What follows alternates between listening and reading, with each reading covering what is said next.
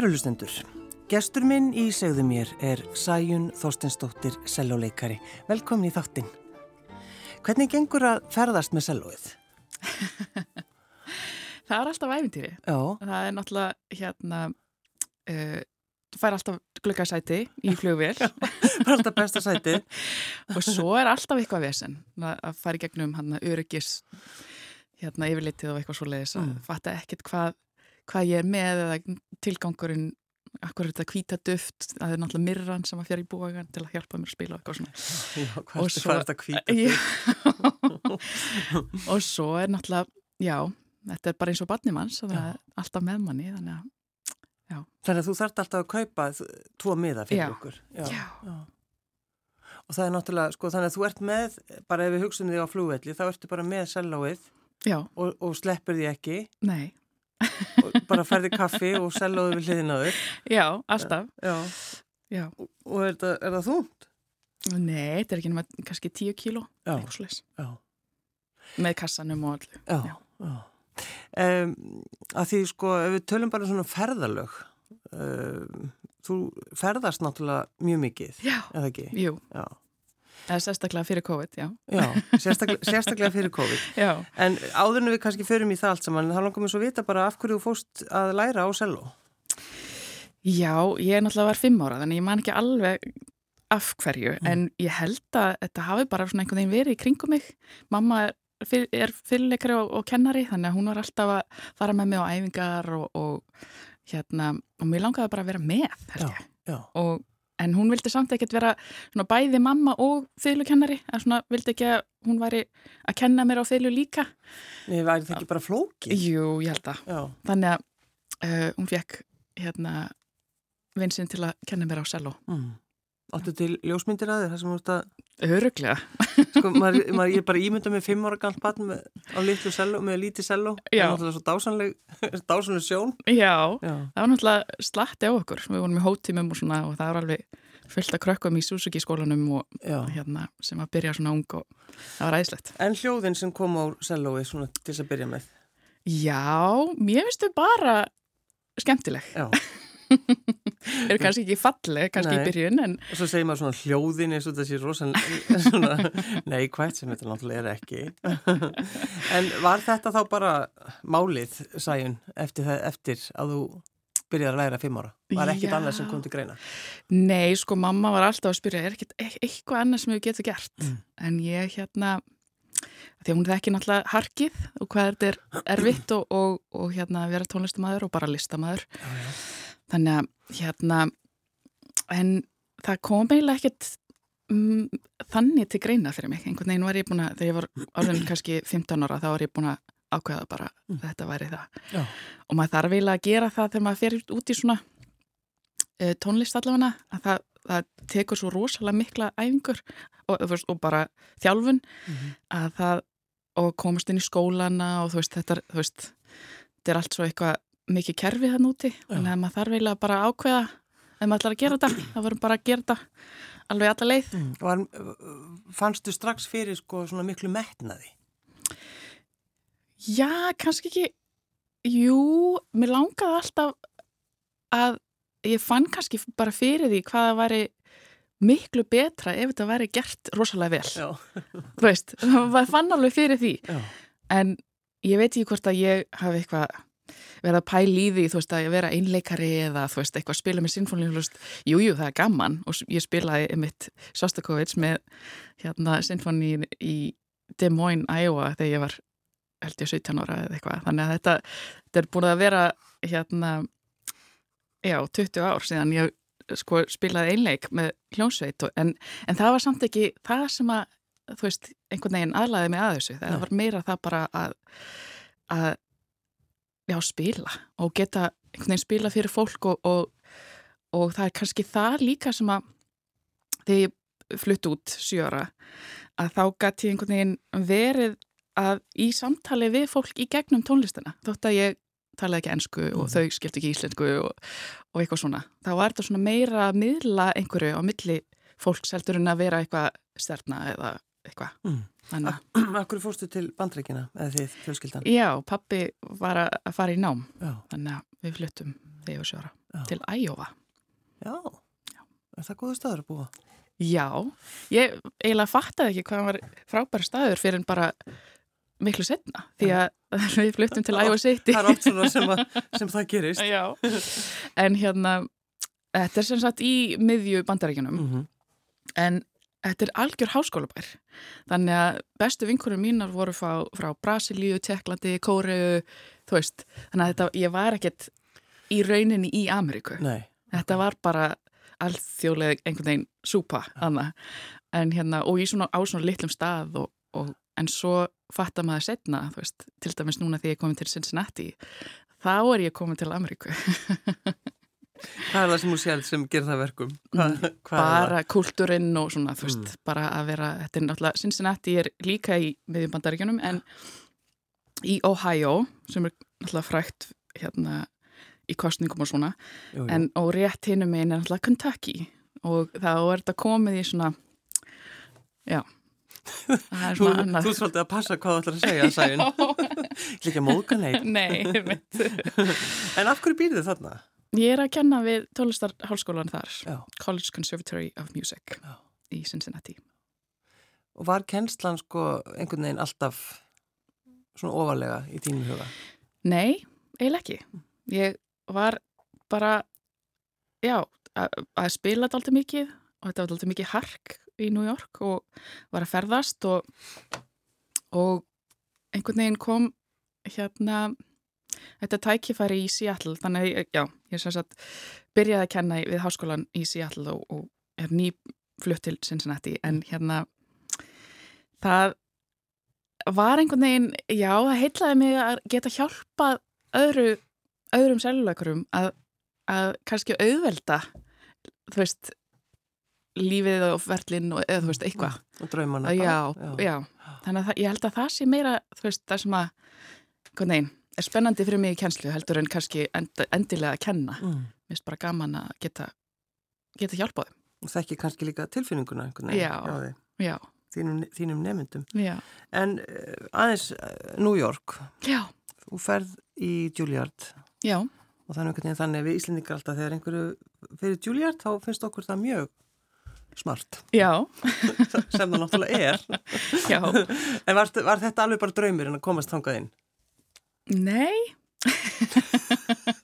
Þú ert mjög mikið á jörðinni, sæðin Þorstinsdóttir. Já, þetta var meira sko, ég byrjaði í hérna Cleveland í Ohio líka, að vísu, en hérna sem sagt uh, var fjögur ár þar og, og að vísu ég líka í París, en svo einhvern veginn þegar ég var búin þá, þá sagði kennarinn bara við mig, þú verður eiginlega að fara til New York. Fyrir það sem að þú ert að gera sem að þú vilt svona tónlistin sem að þú vilt gera og þú veist, þú verður eiginlega að fara til York og þú þarft eiginlega að fara í Juilliard til að bara fá tengslinn og svona Mm, mm. þannig að ég bara sótt um fara út af því í rauninni Og strax, já, eða hvað? já, Það er ekki svolítið erfitt að komast inn í skóla? það er náttúrulega bara, þetta er pröfuspil eins og allt annað, Já, já. þú þarfst bara að vera hrikalega klár, segðu það bara. er það ekki? jú það þarf það og bara svo hefni Mm. eins og allt maður verður að vera tilbúin en svo er það bara hvað gerist Mm. Hvernig leiðir í skólanum, sæðin? mér fannst það ekkert uh, það, já, mér fannst það ekkert auðvelt að vera í Juilliard Það er mikla, mikla kröfur eða bara er þetta Ná. bara erfitt? Já, þetta er bara, þú veist, nýkom til New York náttúrulega er yfirþyrmandi bara Mhm. og, og svo ég náttúrulega lendi hjá frábærum kennara þannig að það hjálpaði rosalega mikið en svo er maður bara einhvern veginn rosalega margir, einhvern veginn aðrir samkeppnin rosaleg Mhm. og bara, já, og áherslan kannski ekki alveg eins og ég einhvern veginn fann inn í mér. Þannig að mér fannst það ekkert svona auðvelt einhvern veginn að vera svona í þessum kringustæðum en, en lærði rosalega mikið og þetta var alveg ótrúlegt að, að fara í gegnum þetta. Ætla, En þá, sko, ég meina, þú lítið samt að vera með kefniskap. Já, kannski, kannski einhverstaðar inn í mér Já. en þetta er meira svona, já ég einhvern veginn vil gera tónlistina vel ég vil, ég vil, þú veist, segja það sem ég langar að segja í gegnum tónlistina Mhm. og þá einhvern veginn þá finnst mér gaman að æfa mig en ef ég er bara að vera einhvern veginn betri en einhvern annan annar þá Mm. bara finnst mér það ekkert spennandi. Nei. en ef við ekki eins tala um hérna COVID og New York, Já, nú svolítið, svolítið reynsla sem þú fegst þar, sæðin. já, þetta var rosalegt náttúrulega. Ég var að kenna í sí alltaf þetta hérna byrjaði og þetta, ég ekki, veit ekki hvort að fólk man eftir því en, en það var hérna byrjaði eiginlega smitið í bandarækjunum hann rétt hjá sí alltaf þannig að við hættum við, ég átti að vera með tónleika þannig í byrjun mars og eiginlega hættum við og ég fór upp í flugvél með salvið og fór til New York, til kærastans í New York og, og við vorum þar bara innlokkuði í þrjá mánuði Já. í New York, pínleitari íbúð og, og bara, já, allt hrundi í kringum hann, í rauninni. Já. Þetta var náttúrulega, allir tónleikar voru hérna, allt var hætt við, allir verkefni, allt, það var bara rosalegt Mm. og náttúrulega bara ástandið í New York, þetta var bara svo rosalega mikill ótti eitthvað og náttúrulega bara fólk að deyja bara í kringum hann, þannig að þetta var reikalegt, ég vil bara segja það. Fannst þér erfitt að upplifa þetta? Svona, Sko, já, þetta var náttúrulega erfitt og maður var bara í einhverjum svona panik, Mm. en líka það er gott að finna einhvern veginn hvað ég var honum þreytt á sko bæði harkinu og bara ferðarlögunum og, og bara alltaf að, læra eitthvað nýtt, alltaf að, þú veist, bara, já, stanslaust. Mm. Og svo allt í henni þetta hættir, þá einhvern veginn bara fatta maður það, hvað maður er þreyttur, hvað er gott að hafa einhverja rútínu, geta sofið, þú veist, í sama rúmi og bara hvað, þú veist, ekki á hótelherbyggju? emitt og bara, vá hvað það er mikill luxus. Já. Og þá fyrir ég að hugsa bara, já, ég vil ekki endilega vera, eða svona lifa svona, Mm. eins og ég var. En svo náttúrulega þarna í, í New York, veist, það voru bara, það var verið að ná í lík. Já, veist, bara út á svo- göttu, þetta var, þetta Við vorum var náttúrulega bara í luxus líku við, sko, ef maður Já. hugsa um, um þetta. En þegar maður er mitt, þú, sæðin, þú fær bara að hugsa upp á nýtt Já. eftir þetta. Eins og Já. svo margi ger, gerði í rauninni, sko. Já. Bara breyta, breyta lífinu. Já. Og hvað var það sem þú gerðir? Heyrðu, ég náttúrulega, það eina sem að hérna uh, í rauninni ég gat gert sem var að ég spilaði, fór að virkilega að, að spila einleik og þá var það Bach sem við vorum búin að ákveða að gera um sömarið hérna á Íslandi Mm. og þá var ég svo heppin að hafa frábæran vinn og, og sem að hjálpaði mér að, að skipulegja að spila allar sex Bach-svítunar á vestfjörðum ein svíta í hverju kirkju og, og þetta upp þannig að þetta var í svona ferðalag hérna á vestfjörðum. Þannig að við gerðum það í júni 2020 og það var bara í rauninni það sem að bjargaði mér í gegnum þetta. Já. bara hafa svona eitthvað til að gera á hverjum degi, þú veist, hafa eitthvað verkefni sem að ég gætt stjórna sjálf. Þetta var náttúrulega bara fullkomaði fyrir COVID náttúrulega að, að geta haft, að þurfa ekki hljónsi til að spila, spila með mér. Þannig að þetta var æðislegt. Þannig að þú bara flýgur, kemur þið til Íslands, Já. og fer í sótkví, tvær ferði sótku í tvær vikur, náttúrulega með sælóið, já, þannig að það aldrei einn. nei. Og svo bara vestur, þetta er sko, minnst þetta er svo, þetta er náttúrulega svo, ef maður hugsa um þetta, þetta er svo einhvern veginn falleg hugmynd, þú veist, á sumarsólstöðum að, að og allir vildi fara á, á tónleika, þú veist, að því við erum búin að vera inn í lokuð. já, Þetta er svona eins og bara einhver lítil bíómynd. já, já.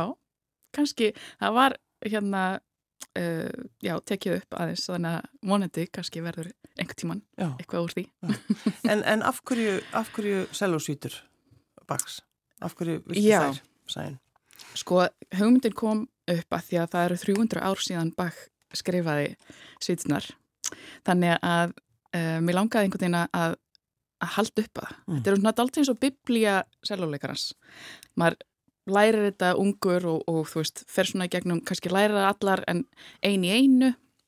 Já, þetta er bara eitt af því sem sellóleikarar, Já, þetta er í lokkar svona já, já, elsta verk fyrir einleikselló og, og hefur rosalega miklar áhrif, um, já, áhrifin heyrist alveg í gegnum svona þessi, hérna, sérstaklega á 20. öld Mm. að, að, já, þannig að þetta er svona mikilvægt fyrir okkur. En svo er þetta líka bara frábært tónlist og, og vel þekkt, sérstaklega þarna fyrsti kaplinn úr fyrstu svítunni, Preludían, alltaf í þú veist, í útvarpinu til dæmis. jú, jú. Þú erum duglega að spila hana. Þannig að þetta er svona, já, það var pínu svona, já, að, að taka þetta svona saman líka fyrir mig var Mm. mikilvægt að fara í gegnum ferðalagi frá fyrstu sítu yfir í sjöttu, fara svona í gegnum þær, af því að þetta er svo fallega einhvern veginn sett upp sem svona sett Já. Af sítum, þannig að það fannst mér mikilvægt Mm. einhvern veginn fannst mér geta tekið, þú veist, reynsluna gegnum árin einhvern veginn uppfært, veist, ég, ég er ekki að spila fyrstu svítuna eins og ég lærði hana þegar ég var tí ára Nei, eða nei, nei. Þannig að það er svona líka, Er það ekki líka mjög gott? jú, vona það. Já, akkurat. Sko, innan Greipur Gíslason sendi mér einmitt smá línum þig og uh, þegar hann lýsir þessu, sko, á, á Mm. sumar sólstöðum fylgdust Guðshúsin af tónleikaþyrstum gestum sem margir fylgdu sæinu kirkju í kirkju úr fyrði í fjörð. Þar til loksíðasta svítan hljómaði við Ista haf þegar sólinn rétt slekti haflutin. Þannig að er mjög, hérna, já, þetta er falleg, falleg lýsing. En það var þetta svona, þetta Já, var, var bara- töfrandi. Þetta var bara þannig. Já, Já, algjörlega. já.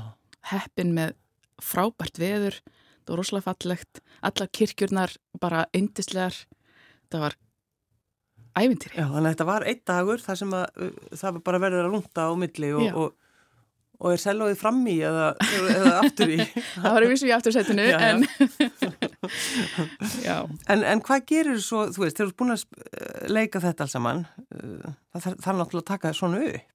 já, Þú varst búin að æfa þið svo mikið, þetta verður náttúrulega, við verðum að fá að heyra þetta. Já, svo líka náttúrulega í COVID þá er hérna upplagt að, að taka upp því Mhm. þá er maður bara einn í stúdíónu. Já, þannig að þú, þú hljóðritaðir Svítunar 6 Já, og þær eru að koma út er það ekki bara, jú, núna í júni. já, og hver er, hver, hver er að gefa þetta út? Það eru hérna Sono Luminous, hérna snellingarnir þar. Þetta er einhver bandarísk útgáfa Já, og sem er þekkt þá veintanlega. Já, Já. og sérstaklega fyrir sko íslenska tónlist líka.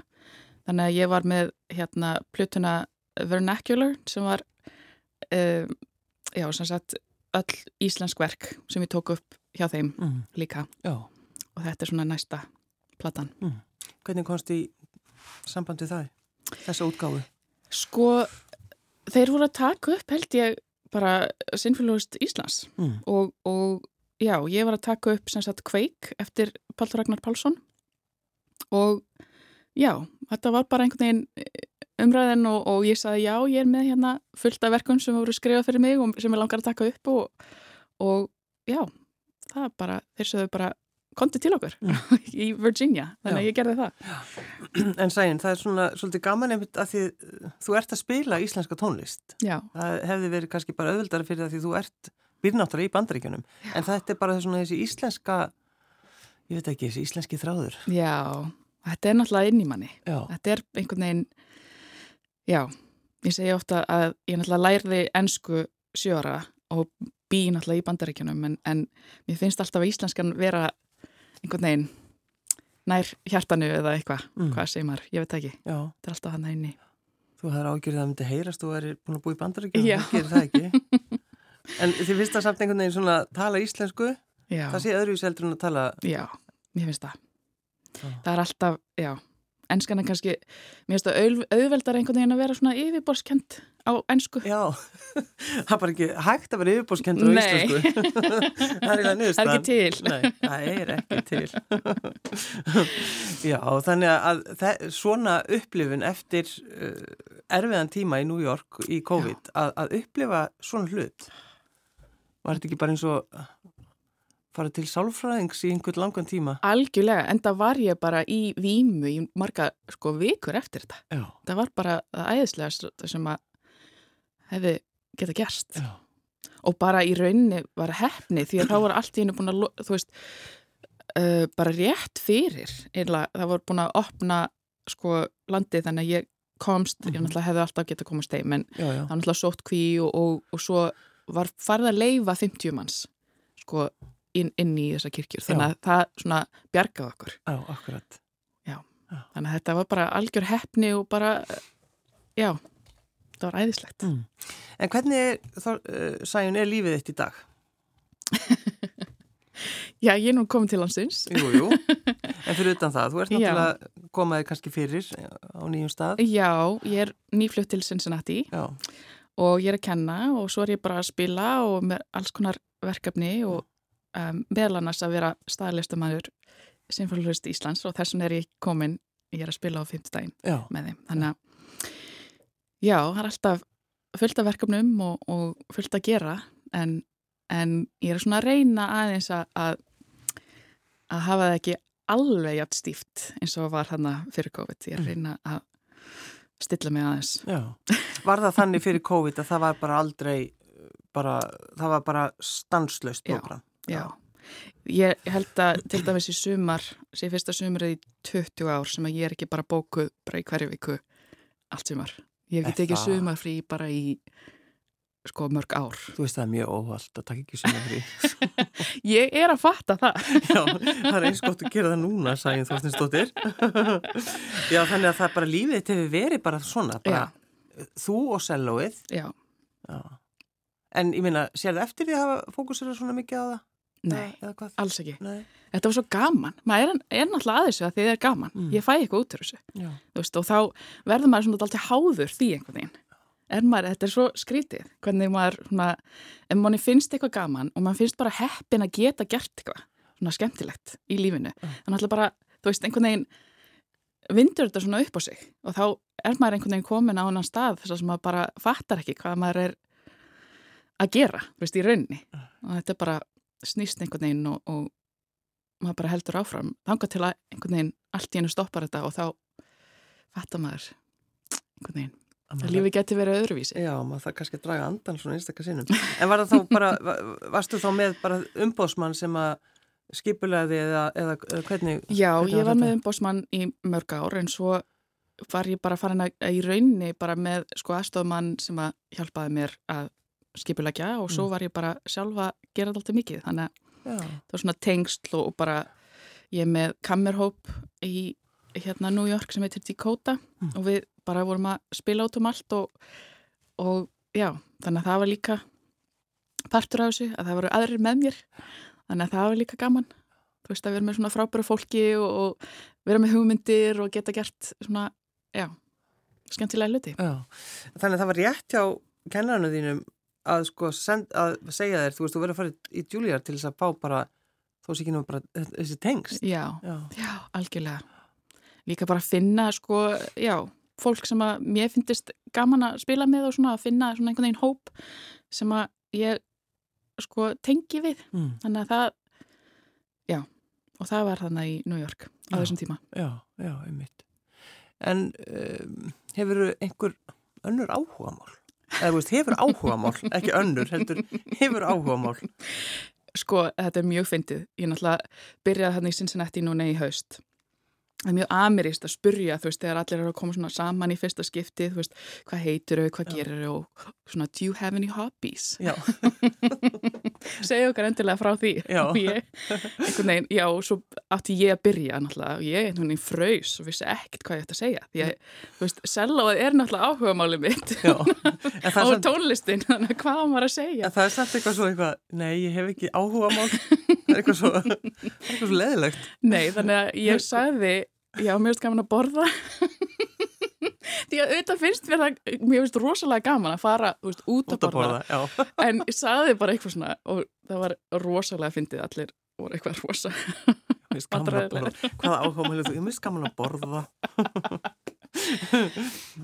En núna kannski að því að þú ert ekki í svona brjálæðisleiri keislu já, kannski, kannski bara þú finnur kannski eitthvað. Kannski. Hvað er það svona, ef þú myndir sko hugsa það, þú veist hvað Hvað getur þið gert? Já, það er spurningin. Mér finnst rosalega gaman að dansa. Nú, já, já. Þannig að kannski...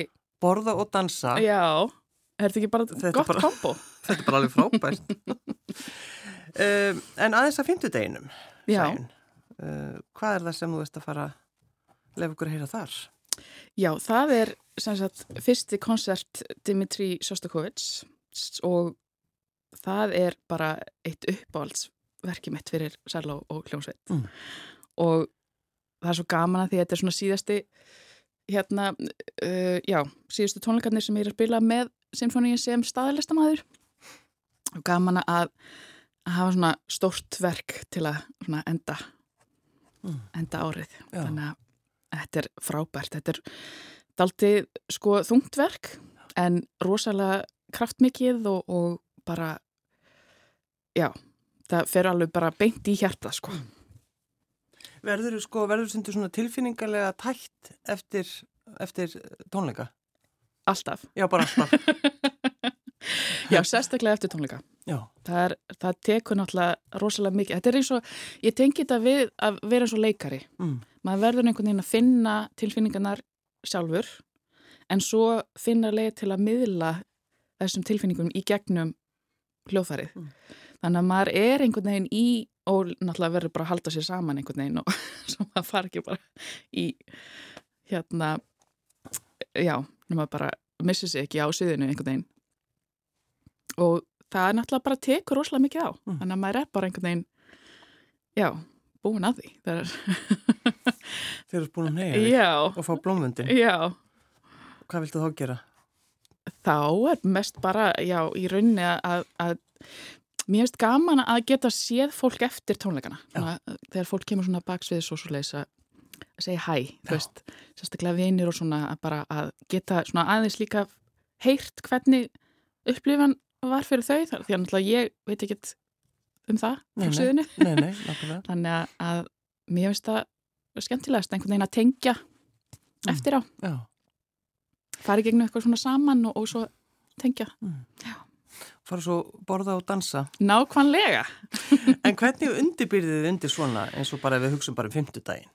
Já, Hvernig ertu svona, hvað ertu að pæla? hvað er ég að pæla? Já, hvað ertu að pæla? Þetta er náttúrulega rosa æfing Mm. að spila svona koncert og, og bara þótt ég er múin að, já, fyrst spilaði fyrir 20 árum þá er þetta samt sko verði ég svona eiginlega að, já, endur nýja það, svona uppfæra það. Mm. Ég ætla ekki að spila það eins og ég gerði síðast. Er það alltaf eh, hugsunin? Já, veginn? maður getur, er, já, maður getur ekki spilað eins, uh, allavega ég geta ekki. Mm. Þannig að, já, þá bara líka að minna mann á, já, þetta er, er svona, ég spila utanbókar líka, þannig að það tekur svona smá, sko, vinnu. A- Akkur gerir það?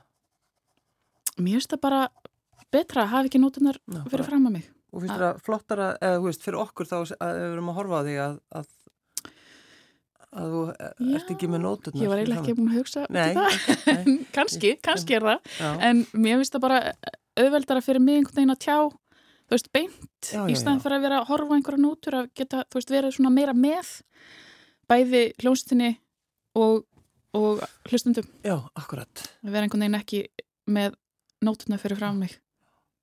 Já, þá kannski festustu einhvern veginn þar, þá ferðu Já, kannski inn í... aðteglinn fer alltaf þangað, Já, já, hafa svona eitt minna einhvern veginn á milli mér og, já, og já. Erstu lengi að að læra þetta? já, eða svona, maður náttúrulega verður alltaf sko betri og betri og, og, að hérna að kunna á sjálfa sig Mhm. einhvern veginn. Það, jú, nú er ég komin í, í þá að sérstaklega þegar ég var alltaf að, að spila eitthvað nýtt í hverju viku þá náttúrulega lærir maður eitthvað mjög fljótt og, og er kannski ekki að hanga yfir einhverju. Nei, endalust en það tekur bara tíma til að melta og hugsa og, og fara, þú veist já, bara fara svona aðeins á hérna að finna kannski einhverja tilfinningar sem maður vissi ekki að væri í tónlistinni og virkilega hugsa um, já, hvernig þróast þetta? Hvernig, já, þessi laglína já, hvernig er hún þegar hún gerir þú veist, þetta og af hverju var hann að pæli þessu og þá fyrir maður að hugsa um þú veist, bæði tónskaldið og, og hvað hann var að fara í gegnum og svona og svo líka bara þú veist hvernig er þetta á selláinu, hvernig get ég gert þetta betur? Hvernig get ég gert þetta öðruvísi? Eða hvað þýðir þetta fyrir mig? Hvað þýðir þetta fyrir tónskaldið og hvað, hvað gæti þetta þýtt fyrir hlustundur og hvernig hvað er samhengið, já, þannig að það er endalöst sköpun. Já. Já.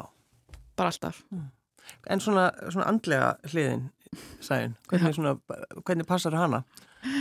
Að vera í góðu jafnvægi?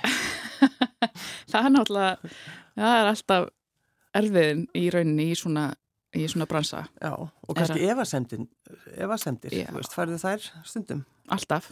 Er það alltaf? En maður er ekki, að- þú veist, ef maður hefur ekki efasandir, þá Já. er maður ekki að prófa eitthvað nýtt. nei, nei. Þú veist, þegar, þegar ég veit að það er svona kannski bara pínu, það að ég veit að ég er á réttu leið ef ég er með efasandir. Já, Því að þá er ég að prófa eitthvað nýtt, Ah, þá er ég já, þú aftur, já, Já, já, já saknaði þín. En það er líka, eh, að, að ég spyrði bara út í þess, þessa svona andlegu hlið, þú veist, að vera bara, þú veist, í jafnvægi þegar þú lappa fram á sviðið. já, það er, það er náttúrulega líka æfing Já, að bara að koma fram og geta, sko, og treyst sjálfu sér Já. í rauninni. og það er kannski allt í bara ruggli Já, hjá þér. bara segi svona, sagði, Já, veist, en þá bara einhvern veginn að, og þú nefndir leikaran sem að, sem að fer, fer á sviðið, þetta er náttúrulega bara mjög svipað. já, Já. það er það. Þannig að tæmur hugan þá eða hvað? Já, ég er alltaf mikið í svona huglauslu og, og, og dansa alltaf mikið til að fá svona tilfinningan ekki gegnum líkamann, reyna svona pristaða af mér Mm. og svo bara, þú veist að maður einhvern veginn, ég fæ líka kikk úr því, þú veist maður einhvern veginn fer að hlakka til einhvern veginn að vera á sviði, vera, þú veist gera eitthvað saman með hljómsveitinni með hlustendum, Já. hafa þessa sko stund saman og hlusta svona að, tala um ekki í svona frábæru húsi eins og hörpu, þú veist, á. Elborg bara, þetta er svo þetta er bara töfrandi. Þá kemur náttúrulega aðal spurningin, í hverju ætlar að vera? Já, ég kom með þrjá kjóla. Æja, þannig að hver veit? Hver En- veit, það verður líka, líka spennandi. En í lokin, uh, ég baði að velja, segðu okkur aðeins frá því áðinni hverði. Já, þetta er sem sagt verk eftir Hafliða Hallgrímsson sem er seljuleikari að norðan, eins og ég. Og hann skrifaði sem sagt verkið Solitaire fyrir sjálf sig. Og hérna ég tók það upp í mitt í, Son, í Virginia hjá Sonolumonis og þetta er þriðjikablin sem heitir Nocturne. Sæjun Þorsteinsdóttir, seljuleikari, takk fyrir að koma. Takk kærlega fyrir mig.